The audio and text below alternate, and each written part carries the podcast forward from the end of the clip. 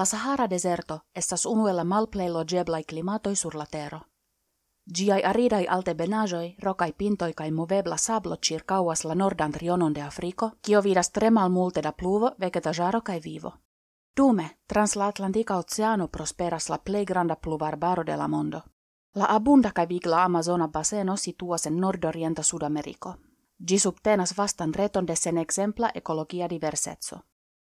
Do kio konektas tiujn ĉi ŝajne malsamajn klimatoin? Ili estas ege konektitaj per intermita atmosfera rivero de polvo kiu longas pli ol dek ses mil kilometroj. Ĉiujare fortaj saharaj ventoj sendas gigantajn nubojn de polvo per vojaĝo trans la Atlantikan oceanon al la Amazonio. La polvo, kies plimulto devenas el antikva lago en Ĉado, plenas je fosforo. Kiam atingas la ĝangalon, la restaĵoj de la antaŭlonge mortitaj saharaj organismoj provizas neprajn nutraĵojn al la vivanda ĝangala flaŭro.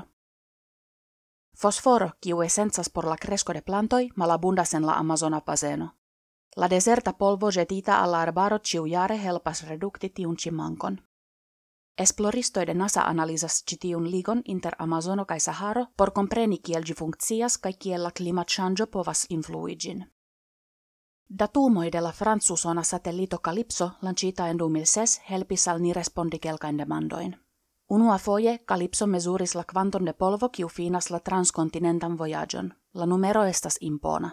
Ella ducent miloi de metrai tunoi, prescau pesa kiel sepcent mil remorcai camionoi, de la polvo kiu iras ella Saharo ciujare, tride como quin milionoi, au de quin procentoi de la tuto displovigas tra la Amazonio.